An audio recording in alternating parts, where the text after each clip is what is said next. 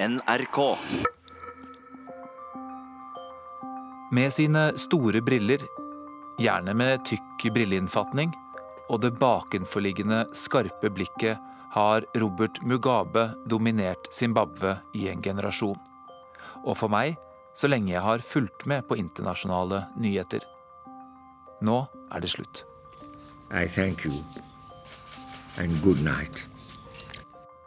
Men han har vært langt fra alene i Afrika om å styre sitt land med jernhånd, og oftest til egen og egen families profitt. Faktisk var han ikke engang den statslederen som hadde styrt lengst.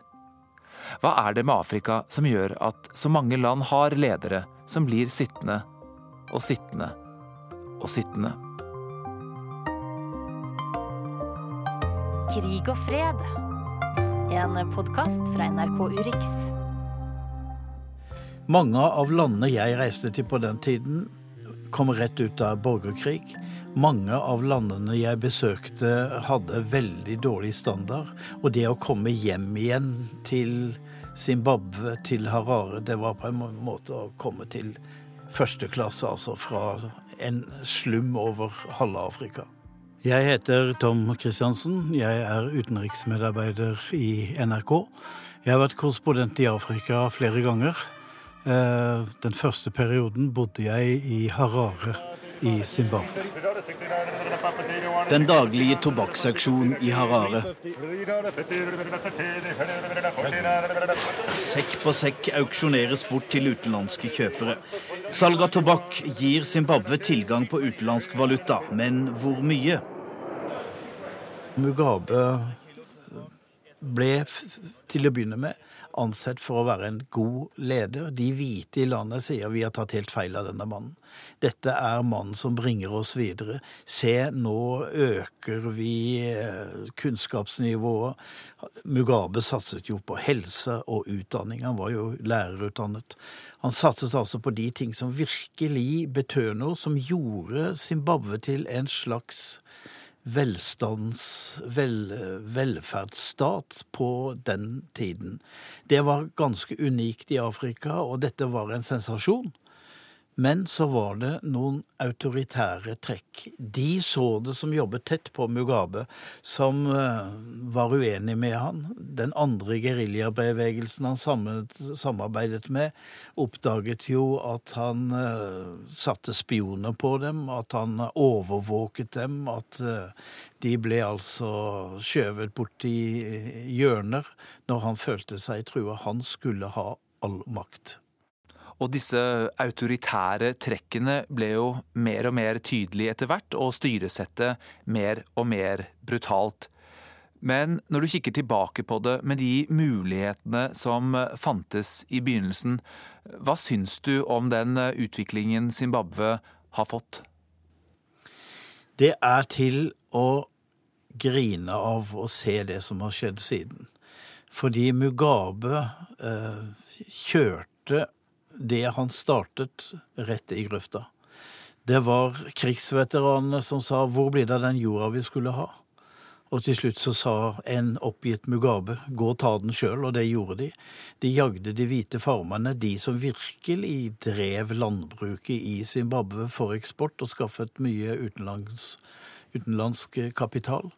Eh, så gikk landet nedenom og hjem, og Mugabe brukte de harde metodene. Han lot ungdommen, sin egen eh, hird, nærmest, eh, gå amok på politiske motstandere. Han tålte ikke å bli motsagt og få opposisjonspartier innpå seg. Han tålte ikke at noen kritiserte ham. Han stilte aldri til debatter. Han deltok aldri i noen slags politiske samtaler. Det var et tross at det var flerpartistyre, et enemannsdemokrati. Det var Mugabe. Og da blir det sånn at alle som er rundt Mugabe Du kommer deg ikke fram i politikken ved å kritisere presidenten. Du kommer deg bare fram ved å være en ja-mann. Komme nærmest presidenten, det blir det politiske målet. Og dermed så rakner hele forståelsen av hva et demokrati er.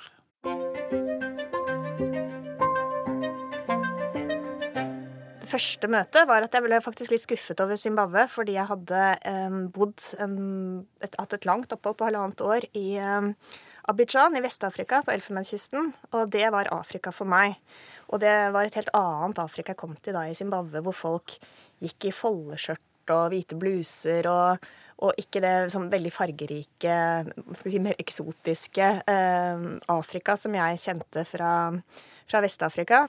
Jeg er Kristin Skarårsdere. Jeg er professor eh, ved Institutt for journalistikk og mediefag på Høgskolen i Oslo og Akershus. Tror du det at eh, det, du møtte en eh, type velutdannet middelklasse uh, Det er selvfølgelig sammenheng med Mugabes utdanningsrevolusjon. Mm. Men tror du det igjen har sammenheng med at Mugabe selv var lærer? Ja, og Mugabe snakker jo også et fantastisk liksom, britisk engelsk, som jo også har blitt nærmest litt Det er lett å ironisere over og blitt et paradoks fordi han hatet jo de vestlige og gjør det fremdeles så utrolig sterkt. Og det er jo nå grunnen til at han har fått en så stor stjerne i mange afrikanske land også. Eh, fremdeles en dag i dag så er det jo mange som hyller ham som den eh, sterke stemmen og antikapitalistiske, antivestlige eh, kraften han har vært, samtidig som han jo er en meget velutdannet mann og snakker dette soagnerte, nydelige britiske engelske. Og klesstilen hans, og klesstilen og på alle måter. Alt er jo veldig det er, det er, jo i det spennet da, som en del av disse revolusjonære statslederne står. Det er fort gjort å psykologisere slike ting, men det er klart at det ligger noen komplekser her mm. som, som, virker veldig tydelig, i hvert fall sett fra, fra, fra utsiden. Absolutt. Have you any idea what's going on in this country? They're not even bothering to dig graves anymore. They're simply feeding them to the crocodiles.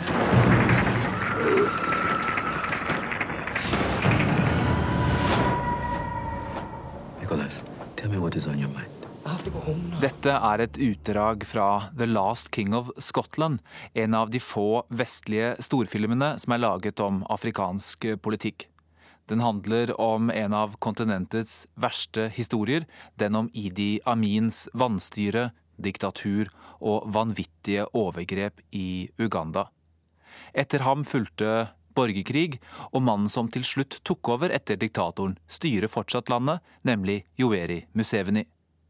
For det er jo ikke slik at eh, Robert Mugabe er alene om å nekte å gi seg. Den lista er lang og strekker seg over hele kontinentet, fra nord til sør og fra øst til vest.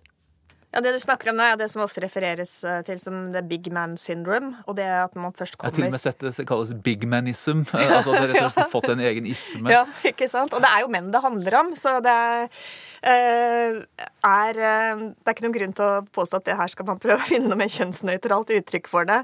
Eh, hvordan kan afrikanske ledere beholde makt så lenge innenfor det som tross alt er noen demokratiske rammer? Og det er jo fordi de er, blir så mektige at de klarer å skalte og valte også med valglover og, og også med det juridiske rammeverket.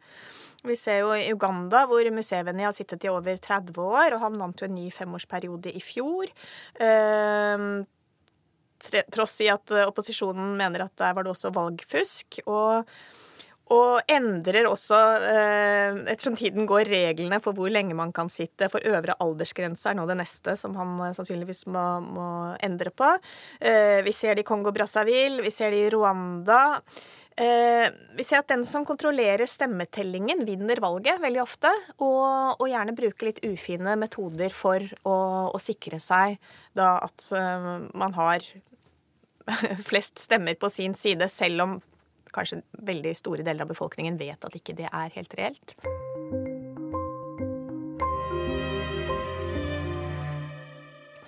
En annen ting her er jo det at veldig mange av disse store mennene de kommer jo fra De har vært frigjøringshelter, de kommer fra frigjøringsbevegelser. De har sin lederutdannelse fra geriljavirksomhet. Fra å ha vært eh, gutta på skauen eller gutta i jungelen eller, eller, hvor de har vært gutter rundt omkring.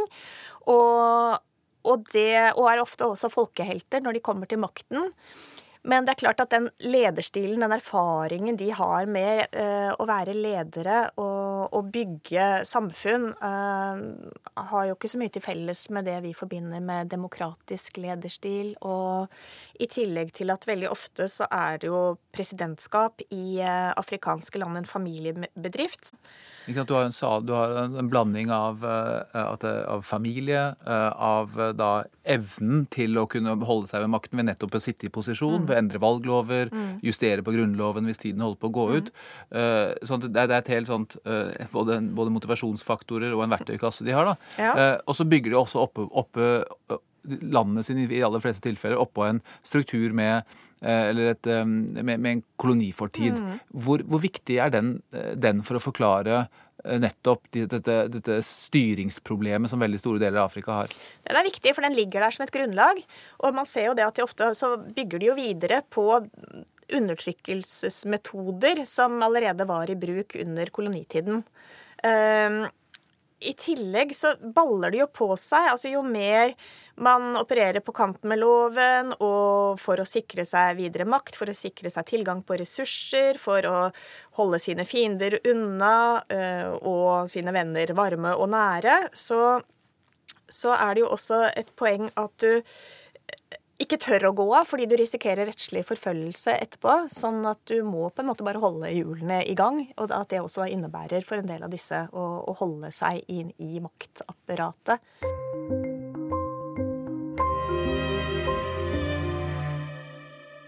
Tom, det finnes en pris som heter Mo Ibrahim-prisen. Den er oppkalt etter en eh, sudanesisk forretningsmann, og den skal deles ut til en afrikansk leder som klarer å gå av i tide og under ordnede forhold. Den ble ikke utdelt i fjor, og den har ikke blitt utdelt så langt i år. Hvordan forklarer du dette med at afrikanske ledere blir sittende så lenge? Det er fordi Afrika ligger veldig langt unna det egalitære Norge, hvor eh, statsministeren helst skal sykle på jobben. I Afrika blir du sjef der, så går du i en tradisjon fra høvdinger. Eh, og høvdinger hadde all makt, de bestemte alt, de hadde all visdom. Eh, de hadde magiske evner, de kunne spå om framtida. Denne visjonen av lederen har gått helt til topps. Helt til, til topps om man betrakter presidenten som en halvgud. Haile Selassie var en halvgud tilbedt av eh, millioner av eh, mennesker fordi han var den svarte Messias, og andre har deler av dette. De ser bilder av seg selv på alle offentlige kontorer. De ser bilder av seg selv på pengesedlene, og noen tror vel kanskje at det derfor er pengene deres de har andre regler enn folk flest. De, de, har en immunitet rundt seg. Og det betyr at de behøver ikke følge det som er reglene i, i landet. De har så å si sin egen fil gjennom hele livet. De og sin familie og sin slekt og sitt distrikt. De er altså halvguder. Og derfor er det ingen grunn til å gå av. De blir sittende og blir sittende. Og det viktigste Mugabe nå forhandler om, det er jo ikke at han skal beholde huset sitt og sånne ting, men å beholde immuniteten som han har hatt, slik at han ikke kan bli rettsforfulgt for de massakre og den korrupsjon og pengemisbruk og andre ting han er ansvarlig for. Mm, men sammenhengen med uh, den uh, kolonifortiden hvordan ser du det i lys av eh, utviklingen av disse ettpartistatene og styret eh, og, og disse, disse, disse, big man-syndromet? Da eh, kolonimaktene kom til Afrika, så satte de seg selv på toppen av pyramiden og lot resten stå. Alle høvdingene hadde sin innflytelse. All administrasjon var som før, men det var på toppen med guvernøren og, og sånn. Slik at når britene trakk seg ut av Afrika, så ble det ledig på toppen, og da kom afrikanske elitepolitikere, eller uh, opposisjonsledere, geriljaledere, uh, og plasserte seg på toppen. De etterlot seg altså et rått hierarki, ettmannshierarki, hvor man skiftet ut en britisk guvernør med en svart høvding. Og dermed så fortsatte diktaturet i Afrika som britene hadde holdt på med, og alle de andre hadde holdt på med. Så det var først på 1990 at dette brøt sammen og ble til noe nytt etter muren i Berlin falt. For dermed så slutter jo den internasjonale Disse supermaktene trengte ikke lenger koloniene sine i Afrika. Eh, de hadde jo et hegemoni. Var det ene landet med russerne, så var det andre landet med amerikanerne. Alt det ble borte. Og så kunne de begynne på nytt. Flerpartidemokrati. Og det har man holdt på med siden. Men vi ser jo at det rakner, det òg, fordi at dette er i ryggmargsrefleksen.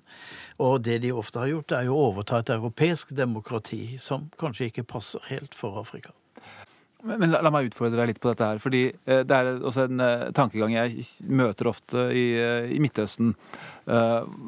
Og samtidig så vet jeg også veldig godt at det finnes en intellektuell middelklasse. Folk er også der i stand til å ta eh, selvstendige eh, valg.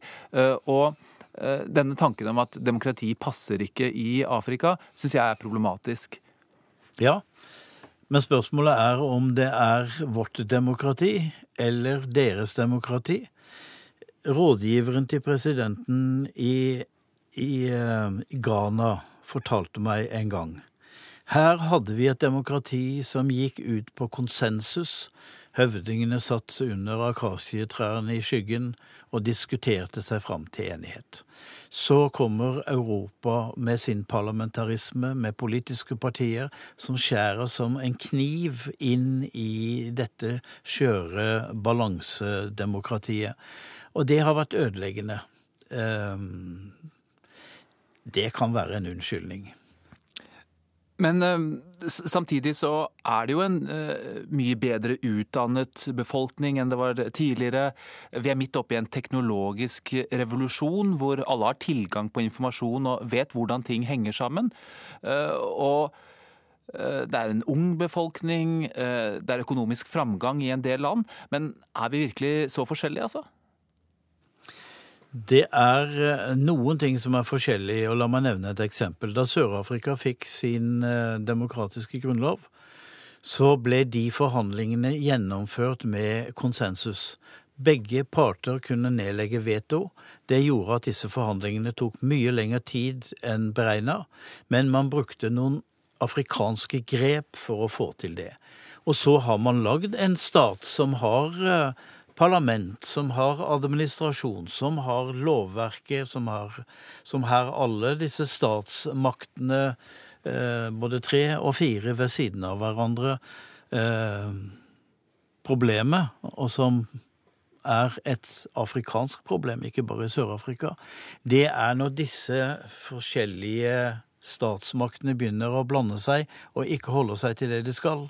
Når byråkratene begynner å drive politikk, når politikerne begynner å drive juss, når jussen stenger pressen, da er det det går uh, gærent. Men Tom, det er jo et uh, litt uh, deprimerende bilde vi trekker opp her, og snakker om veldig mye av det som er galt. Det ligger jo litt i journalistikkens natur, men det er også litt typisk for journalistikk i Afrika. Hvilke positive trekk ser du? Eh, vi dekker jo vi, dekker jo ikke Botswana, som er et suksessland på mange vis, selv om det også har fattige mennesker. Vi drar ofte til Afrika for å se oss rundt, og sammenligner alt vi ser med hvordan vi har det i Norge. Og hvordan vi har det i Norge, da taper alle hele tiden. Vi får se hvordan var det for 10 år siden, hvordan var det for 20 år siden. Og gjør man det i Afrika, så ser man at det går framover i veldig mange deler av Afrika. Our country is going to be different, and our relations all over the world are going to be normalized. We are a peace-loving country. I'm happy, happy. I'm totally happy. This is a change, a great change. 37 years of the same, same operation. Og det er jo akkurat den retningen som mange i Zimbabwe nå håper landet skal bevege seg etter at Robert Mugabe har blitt presset til å gå av. Men mannen som tar over styringen, Emerson Mengagwa, han er jo Mugabes håndlanger. De har sammen planlagt gjennomført eh, massakre, etnisk rensning på 1980-tallet. Mangagwa sto bak plyndringen, ifølge FN, av diamantgruver i Kongo. Han har vært med å planlegge Mugabes valgjuks. Han har dette tilnavnet Krokodillen. Tom, det er ikke så mye som peker i positiv retning her. Nei, men jeg kan legge til noen ting. Han har en slags plan, har iallfall hatt det, om å lage en samlingsregjering for eh, Zimbabwe når Mugabe går av.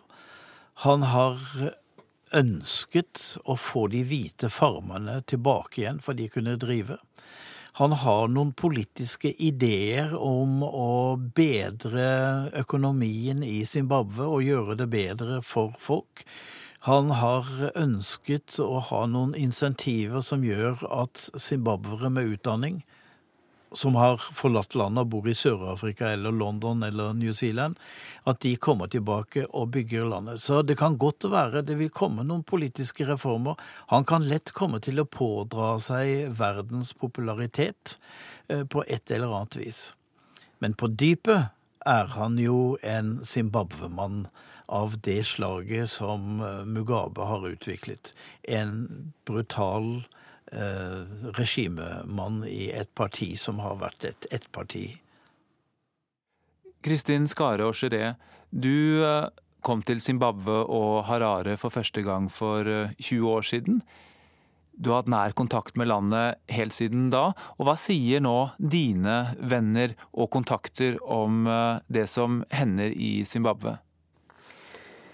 Nå har jeg kontakt både med eh, zimbabwere i Zimbabwe, men svært mange av de som jeg ble kjent med på, på 90-tallet, og som jeg studerte sammen med, de er jo ikke i Zimbabwe lenger. De, eh, altså det afrikanske eh, universitetssystemet i mange afrikanske land kan jo takke krisen i Zimbabwe for at de har fått førsteklasses eh, forelesere og forskere inn i Mange er ved forskjellige universitet i regionen, men også i Storbritannia og i og for seg i Norge. Eh, men eh, unisont så sier de fleste Altså, det er to deler av dette resonnementet. Det at Mugabe går, er for veldig mange en god ting. Det er 37 år han har sittet og vist en svært autoritær lederstil. Det er slutten på en epoke, men derfra, og det gir jo en viss grunn til optimisme, men kanskje ikke så stor, med mindre at sivilsamfunnet klarer å organisere seg og mobilisere seg. Samtidig, for hver dag som går, så ser man jo at det er mer og mer tydelig at det er partiet, SANU PF, som styrer denne prosessen sammen med de militære. Og at det dessverre er svært lite som tyder på at dette er slutten verken på ettpartistaten eller militærkontroll over zimbabwernes liv.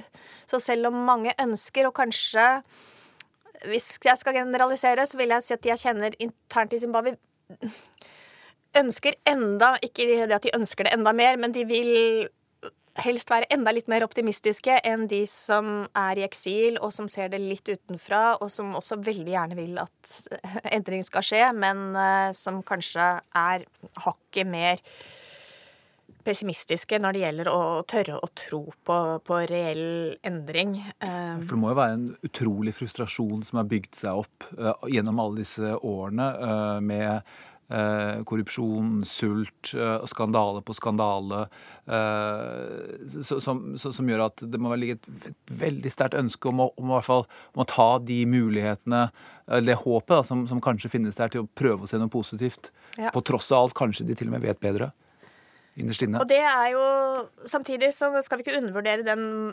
potensielle muligheten og makten som ligger hos zimbabwerne selv, og det er jo der håpet må være.